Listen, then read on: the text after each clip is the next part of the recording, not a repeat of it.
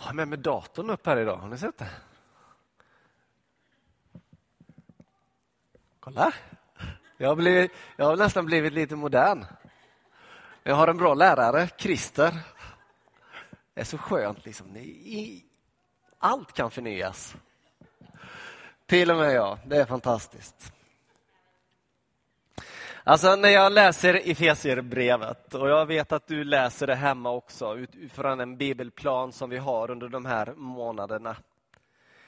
När jag läser de här sex kapitlerna så känner jag så tydligt att får vi tag på det här, eller får det här gripa oss, så vet jag då vet jag med all säkerhet, hundraprocentig säkerhet, att vi står inför en alldeles strålande, en alldeles ljuvlig, en alldeles bländande, en alldeles, alldeles varm, en alldeles kärleksfull revolution i våra egna liv i den stad som vi lever i. Ingenting kommer bli som det förut var i Enköping. Om vi som sitter här inne idag, plus alla andra som brukar vara här, får tag på det som står i Efesierbrevet. Så lätt är det. Och så svårt är det. När jag läser Efesierbrevet så ser jag framför mig en Paulus som sitter fängslad när han skriver.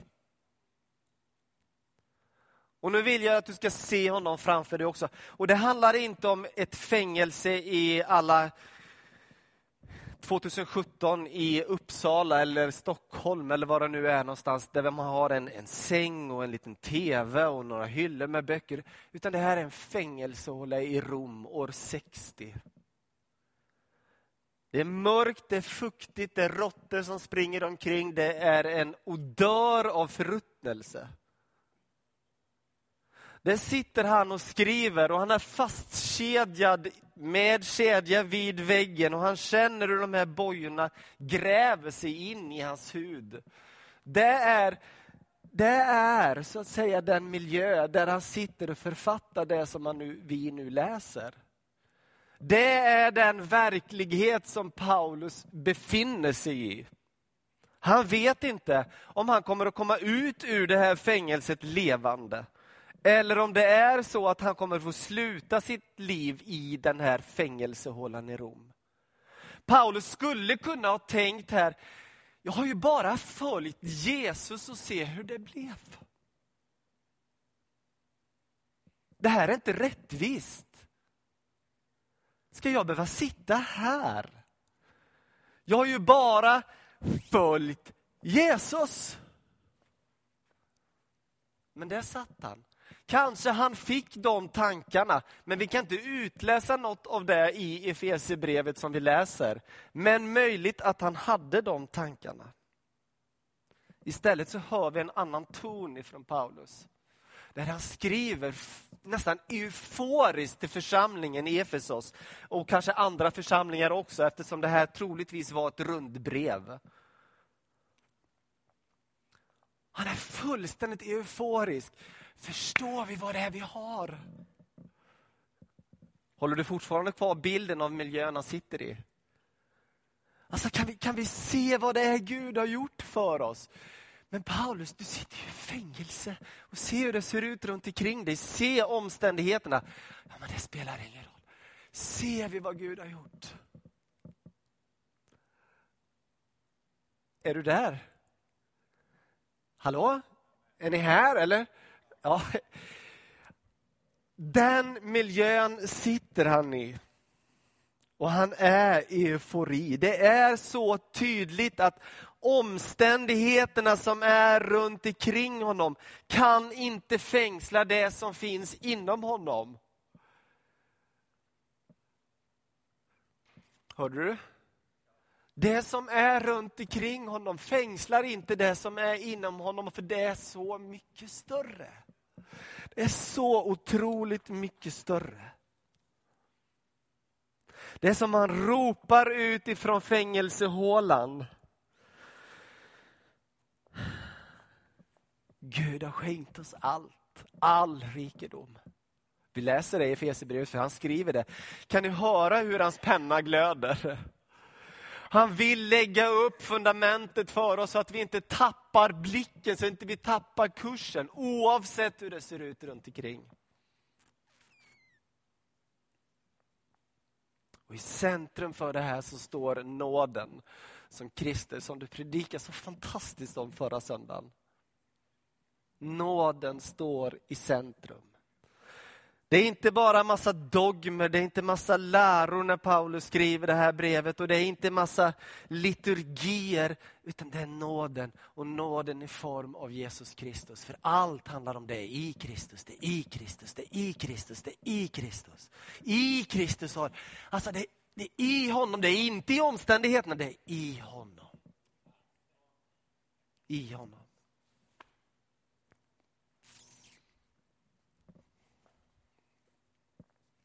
När jag läser Efeserbrevet så kan jag se hur Paulus nästan kvider fram det som vi ofta så har stort problem med. Hela första delen av Efesierbrevet så är det som att lägga fram den här grunden. Det här är vad vi har i tron. Och andra delen av Efesierbrevet som vi kommer komma in i alldeles strax, inte idag men senare under den här perioden vi läser, så handlar det om vad den här tron leder till i liv. Att hålla ihop tro och liv som vi ibland kan se ett sånt stort glapp mellan. Ja, det här tror vi på. Men när vi sen ser på vårt eget liv så är det inte riktigt en teckning av det tron, den tron i livet vi har. Kan du känna igen dig i det? Jag känner igen mig i det då och då, för att inte säga i princip alltid. Och Jag kan känna ibland så här, mina vänner, även om vi sitter här nu söndag och vi kommer vara här nästa söndag också, precis som Lotta sa, och söndagen därefter. Så kan jag känna att vi, vi skulle inte behöva höra en enda predikan mer. Inte en enda predikan till.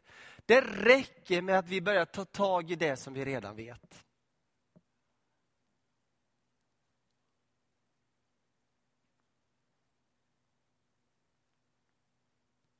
Ändå så kommer jag inte sluta att predika. Jag kommer inte, för jag tror på predikan. Jag tror att predikan någonstans föder en tro i människor som, som lyssnar till den. Se att det är någon som säger, det borde du sluta med. Men, men... Jag tror på predikan.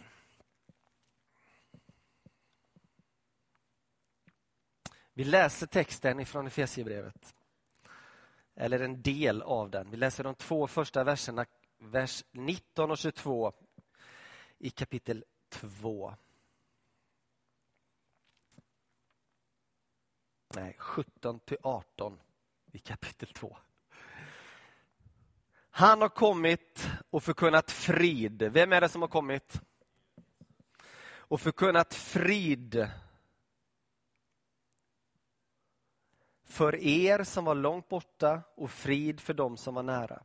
Genom honom har vi båda i en och samma ande tillträde till Fadern. Vi stannar där lite grann. Temat för den här söndagen är att Gud bygger ett hem. Gud bygger ett hem. Och jag skulle vilja börja där för att koppla tillbaka lite grann och se, det här har Gud gjort förut. Han har byggt sig ett hem. Och då har han använt människor för att bygga det här hemmet. Kan ni ana vad det är jag talar om? Gud har utmanat människan att bygga något som i Gamla testamentet kallades för tabernakel. Som skulle vara hans hem. Där man fick möta Gud, där hans närvaro var närvarande, så att säga. Och Det här tabernaklet skulle stå mitt bland tälten eftersom han var på väg ifrån Egypten till det förlovade landet, ute i öknen. Mitt i, i själva byn, där ska tältet vara. Gud vill vara i centrum. Senare så, så bygger, sig, bygger man sig ett tempel där Guds närvaro skulle vara närvarande. Och det sker så kraftigt så att, så att folk är tvungna att backa för Guds närvaro är så stark. Det är så till och med att prästerna inte kan göra tjänst längre för Guds närvaro är så total. Det är, det är det här som händer när Gud bygger ett hem för sig själv. Det är någonting större, det är någonting som vi inte riktigt har kontroll över. Det är någonting som, som fullständigt bräcker alla våra tankar för vad som är möjligt och inte är möjligt. Där Guds närvaro är, och Guds närvaro är alltid det som är i centrum, det som är själva nyckelgrejen med det hela. Han har kommit för att förkunna frid, står det. Jag älskar det här ordet frid, gör du det? Det var en tid då jag tyckte det var väldigt mossigt. Nej, men frid. Jag vill ha lite, lite action, lite drag. Alltså frid lät, det lät gammalt. Jag vill inte ha frid. Det, liksom, det låter som man har lugn och ro, sitter i soffan hemma. Liksom. Nej, ut på gator och torg och lite action. Så. Men så förstår jag att det är en helt annan frid som det handlar om.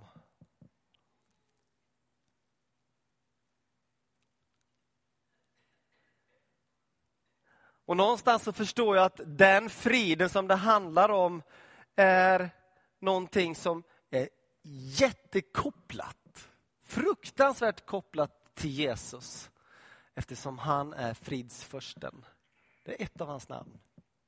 Han är fridsförsten. Jag älskar när, eh, när vi hälsar varandra, även om det låter mossigt, frid. Och, och det är faktiskt först efter jag var i Israel som jag har kommit att älska det. För där var det så vanligt. Det var det alltid shalom så fort man träffar någon. Och det är ju precis samma ord fast på ett annat språk. Och någonstans där började det landa i mig. För jag kände en sån frid. Och när vi talar om den här friden så, så tror jag inte vi kommer att förstå vad den riktigt handlar om om vi inte har mött dess motsats. Ibland är det så, för att förstå någonting på riktigt så måste man möta dess negation eller dess motsats. Och när du någon gång har varit i den där grottan som Paulus kanske sitter i, eller satt i, och du har märkt att allting är mörkt där borta så vet du vad ofrid handlar om. För allting är upprivet i dig. Och det är först då som man börjar förstå vad frid också handlar om. För då märker man vad det är man inte har. Så därför tänker jag också att när det i en församling råder allt annat än frid, när det är lite stickigt, när det är lite lite skav här och där, så kan det mycket väl vara ett välsignat tillstånd, för vi är på väg till frid. Vi håller på att lära oss vad frid handlar om. Förstår du vad jag tänker? Alltså vi har ett val att se det som, det är bara negativt. Det är bara, eller, wow, Gud håller på att lära oss något. Han kommer visa oss vad den djupaste friden handlar om. Johannes 14 så säger Jesus, min frid ger jag er, en frid som övergår allt förstånd. Alltså friden som jag tror Paulus hade när han satt där och skrev det här brevet var inget han pumpade upp, var inget han försökte skapa, var inte en frid som var där beroende på omständigheterna, det var något som var honom givet. Jag ger er min frid. Alltså det är inte en egen frid som jag försöker skapa på något sätt, utan det är en gåva, precis som nåden. Alltså nåd och frid upplever jag som är som två syskon som går jämte varandra. Där nåden finns, där finns friden. Och det är ingenting du presterar, utan det är en gåva du tar emot. En gåva du tar emot. Låt mig berätta om en man som heter Joseph Scriven. Känner ni honom? Joseph Scriven, han gick ut ur Trinity College 1841 i Dublin. Han eh, hade hittat en flicka som han var mycket kär i och det blev som det blev. De skulle gifta sig. Josef var överlycklig över det. Han var klar med sin utbildning och de skulle gifta sig. Och man hade kommit till kvällen innan de skulle gifta sig. Då skulle den här flickan komma till Josef, för de skulle antagligen lägga de sista pusselbitarna inför bröllopet som var kommande dag. Och eh, den här flickan skulle sadla sin, hon sadlade sin häst, hon gav sig iväg och rida till Josef. Josef hörde hästhovarna när hon var på väg. Så han gick ut för att möta henne. Hon red över en bro. Och där skenar hästen. Och hon trillar i det kalla strömmande vattnet och dör. Och det här tar så hårt i Joseph Scriven så han, han emigrerar till Kanada. Och nu är året 1854, så det var några år senare. Där träffar han en annan kvinna som heter Elissa Roche. Elissa, vi har en Elissa här, men det här är en annan Elissa. Hon träffar Elissa Roche, och de ska gifta sig. Wow, äntligen så börjar livet ordna upp sig för Joseph Scriven. Och så blir hon sjuk så de får skjuta på bröllopet. Och sen blir det bra igen. Så de bestämmer ett nytt datum och så blir hon sjuk och de får skjuta på bröllopet tre gånger. Och den tredje gången så dog hon. Josef mamma hemma på Irland är så orolig för sin son som hon tycker han har fått möta all världens djävulskap. Hon är så orolig och det vet Joseph, så han skriver en dikt och skickar iväg till sin mamma. För att försöka åtminstone göra henne lite lugn. Och den här dikten stoppar hon i sin byrålåda och den dikten hittar man många, många år senare när hon är död och Josef och han av hans bästa vänner ska tömma det hus som hon bodde i. Och de tar fram den här dikten, läser den och Josef berättar ju hur den kom till och han sa att den skrev Gud och jag tillsammans. Kan ni ana vad det är för dikt? Det har blivit en av de mest älskade sångerna i världen. Nej, men det är What a friend we have in Jesus. Kan, är ni med? Det här är våran tro. Vilken vän vi har i Jesus. När vi frestas, när vi prövas vill han ge oss kraft och mod. Ofta tyngs vi ner av oro, glömmer att vi har en vän som har lovat vara med oss om och om igen. En tro, en frid som är oss given. Kan ni höra Paulus där ifrån fängelsehålan? Hur han ropar ut till oss. Han kommer med frid. Han kommer med frid till dig. Han skriver så att pennan glöder, omständigheterna är fruktansvärda. Men det glöder, för han har något annat. Precis som Joseph Scriven hade.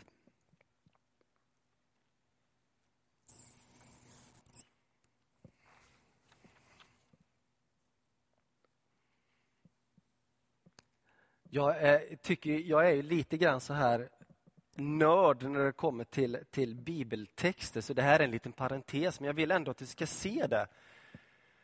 titta på slutet här. Genom honom har vi båda i en och samma ande tillträde till Fadern. Och Det här återspeglar sig sen lite senare i Fesierbrevet. Här ser vi hela den trinitanska enheten samlad. Visst är det fint ord? Alltså, här har vi själva kärnan i bönen. Genom honom, alltså genom Kristus. Inte genom något annat, genom sonen, genom Jesus, genom Kristus. Har vi, vad står det? Har vi båda i en och samma ande, där är anden närvarande, tillträde till pappa. Är det sonen, fadern och anden? Det här är kärnan i bön. Vi ber till Fadern genom Jesus, det han har gjort för oss, i den heliga Ande. Där har du bön. En bra definition på bön. Och det härliga här också, och det förstår vi när vi tittar tillbaka på, på den här texten, att ni som var långt borta har nu kommit nära. Och Går vi tillbaka i texten så ser vi att Paulus lyfter upp att han har rivit skiljemuren mellan det judiska folket och hedningarna. Och Han står till, och med att, står till och med att av dessa har han skapat en ny människa. Alltså korset omfamnar de båda.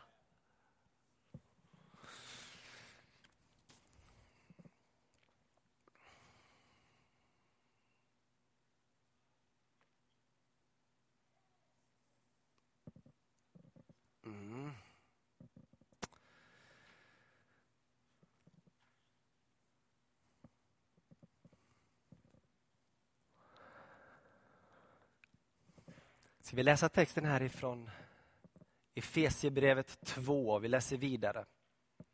Därför är ni inte längre gäster och främlingar utan medborgare med det heliga och medlemmar i Guds familj.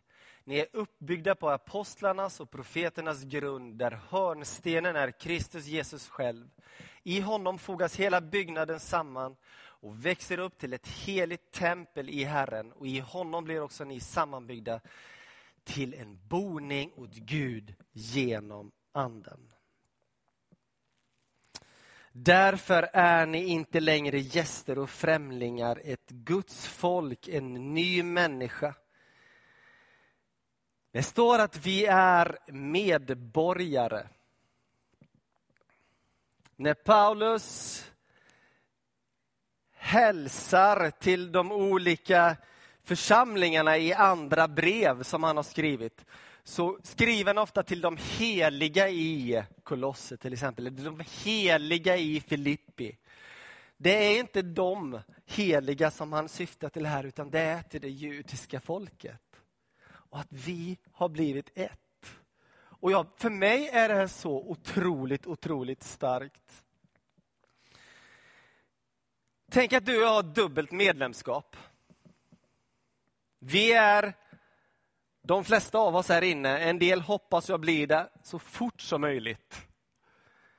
Medlemmar i the Kingdom of Sweden. Visst låter det pampigt? Och visst är det, det, det, är gott att vi är medlemmar i the Kingdom, eller medborgare i the Kingdom of Sweden. Men vi är också medborgare i the Kingdom of God. Vi har dubbelt medborgarskap. Och när vi är medlemmar i the kingdom of God behöver vi aldrig vara oroliga eller nervösa över, har vi dokumenten i, hand, i ordning? Har vi uppehållstillstånd eller inte? Har vi alla papper med oss på oss? Är det någon som kan ta mitt pass? Vi behöver aldrig vara oroliga för det. För vi har en stämpel och det är den heliga ande, sigillet i våra liv. Att du är medborgare i Guds rike. Du är medborgare. Och Jag tycker det är så härligt när vi kan läsa i Romarbrevet för jag är viss om att varken död eller liv, varken änglar eller första, varken någon som nu är eller någon som ska komma, varken makter i höjd eller i djup eller något annat skapat ska kunna skilja oss från Guds kärlek i Jesus vår Herre. Ingenting kan dra dig bort ifrån det medborgarskapet för du är medborgare. Han är så noga med det här Paulus. Det är som det är. Se vad det har lett mig till när jag följer Jesus, men jag är medborgare i ett rike som är så mycket större. Och vi behöver ha med oss det, vi behöver förstå det. Du vet att när du är medborgare så har du också vissa rättigheter. Och vet du, de rättigheterna är helt fantastiska. Du har rätt till nåd. Det låter som en paradox. Rätt till nåd. I det avseendet att Jesus har dött för dig oavsett vad du tycker, tänker eller känner. Du har rätt till den nåden för han har redan gjort det. Det kommer alltid finnas människor som försöker rycka bort den nåden ifrån dig. Den som är kanske tuffast när det gäller detta, det är du själv. Som sitter där och dömer dig själv. Nej men titta hur jag är. Titta vad jag gör. Titta, titta vad jag har ställt till med. Låt inte någon rycka nåden ifrån dig. Det är din rättighet som medborgare i Guds rike. En annan rättighet som du har, det är rättigheten till den frid som jag har talat om.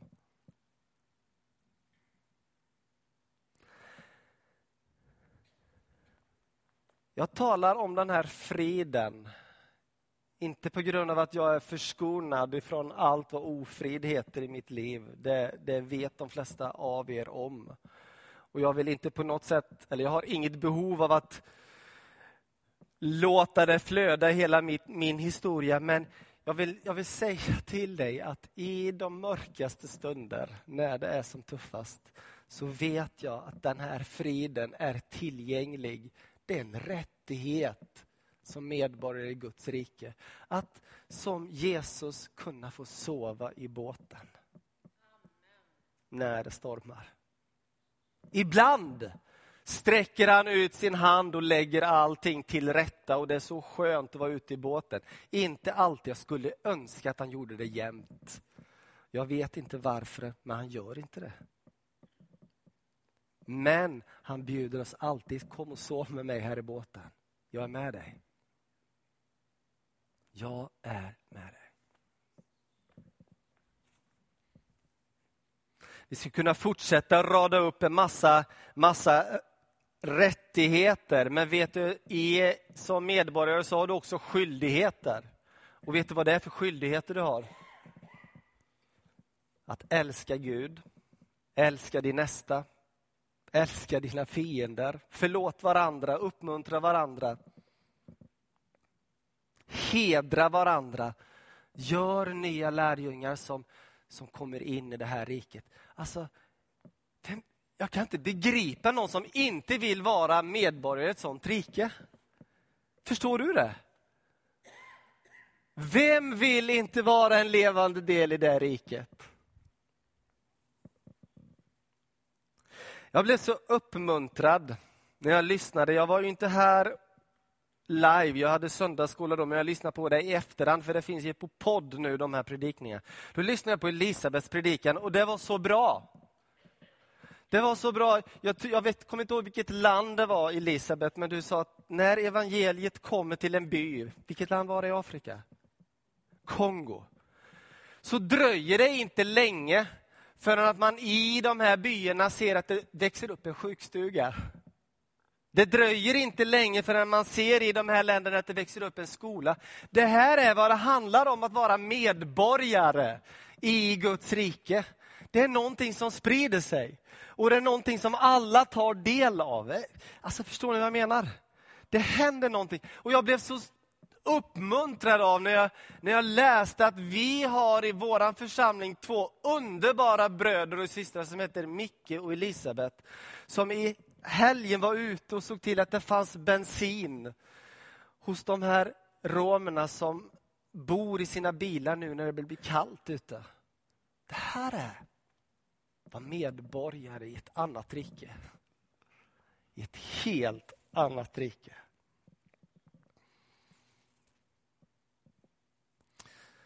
Vi är medlemmar i Guds familj eller i Guds hushåll. Och Det här är nog min favoritbild som Paulus trycker på. Märker ni hur han börjar snäva åt det här? Alltså att vi är inte bara medborgare i ett nytt rike, utan vi är medlemmar i en familj. Vi är delar i en familj. Vi har samma pappa allihop som sitter där inne. Vi har en och samma pappa. Hallå? Alltså vi är syskon. Vi är syskon och syskon väljer inte varandra. Utan man är syskon för att man är syskon. Och ibland så, så kärvar det lite grann mellan syskon. Och det kan det göra här också. Men vi är fortfarande syskon.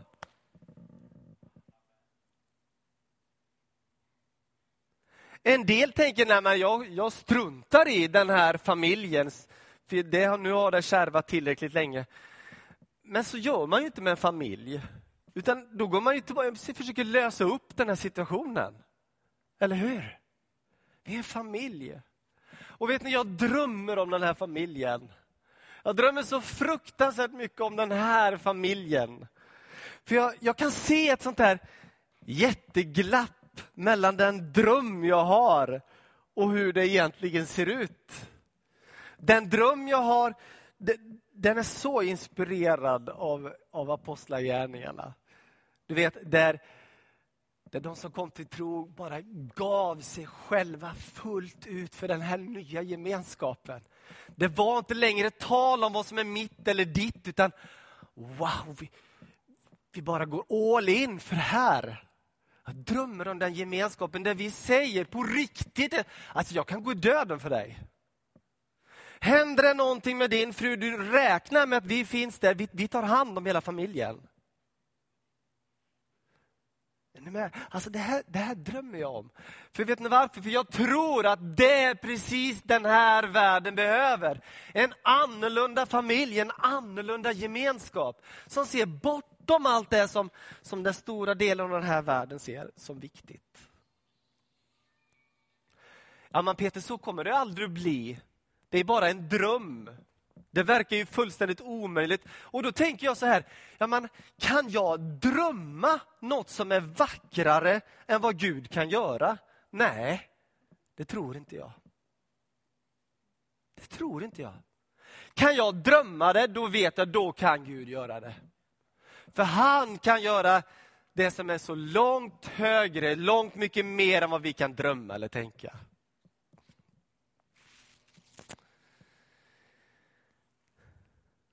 Den sista bilden.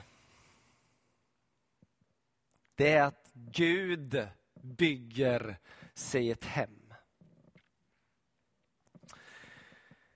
Ni vet, i Efesos så stod det här enorma Artemis-templet. Det var ett av världens sju underverk. Så ni förstår att det här, det här är en enorm byggnad. Och när Paulus ännu börjar tala om att, att Gud använder er till att göra en, en boning åt sig, ett tempel, er tillsammans. Så är ju det som Efesierna ser framför sig templet, Artemis. En enorm byggnad, fullspäckad med skönhet, arkitektonisk underverk. Där ser de framför sig en wow. Ni vet folk vallfärdade dit för att åtminstone en gång i livet ha varit vid Artemis-templet. Jag kan tänka mig att de judekristna i Efesus såg framför sig Salomos tempel. Som inte var långt därifrån. Alltså de ser någonting som är wow.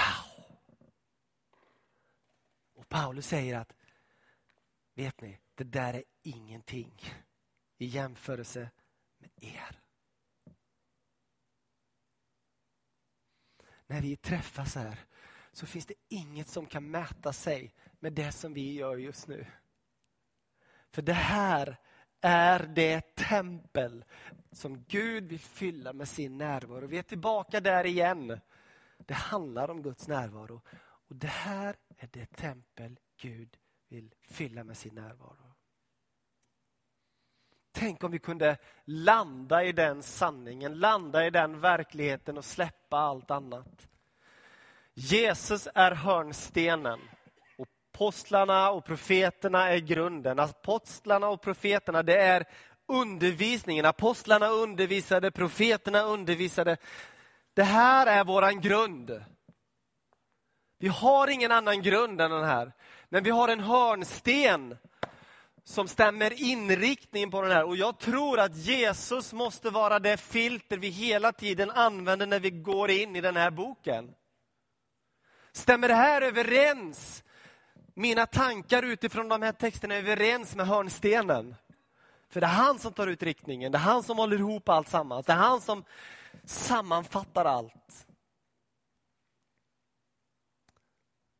Så jag önskar när du fortsätter läsa Efesierbrevet fram igenom här nu. Läs det med, med glasögon av, av Jesus på dig. Okej, hur ser jag det här i Jesu liv? Hur, för finns det i Jesu liv så kommer det att finnas i vårt liv, i den här församlingens liv. Vet ni, jag skulle bara vilja avsluta med att, med att säga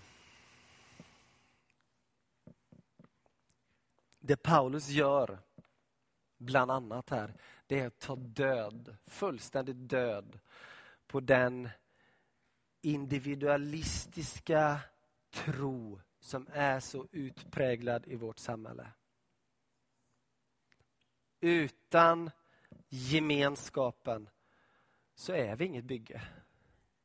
Utan gemenskapen så är vi ingen familj. Utan gemenskapen, ja, väljer du att inte vara medborgare så är det ju så. Men då är det ingen medborgarskap tillsammans med de heliga. Han tar fullständigt död på det här, ja men jag är kristen men jag har det för mig själv. Märker ni hur Paulus lyfter upp gemenskapen? Han lyfter och lyfter och lyfter och lyfter. Trots att han sitter isolerad själv så släpper han inte den här tanken. Wow, om ni visste vad ni har. Och det tror jag vi är på gång att upptäcka i ena kyrkan. Mer och mer och mer. Kommer det inte handla om, kom, kommer, kommer du komma på gudstjänst på söndag? Jag vet inte, vi får se. Ja, självklart. Liksom. Måste ju träffa familjen.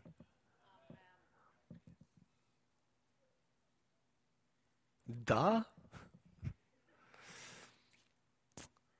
Amen.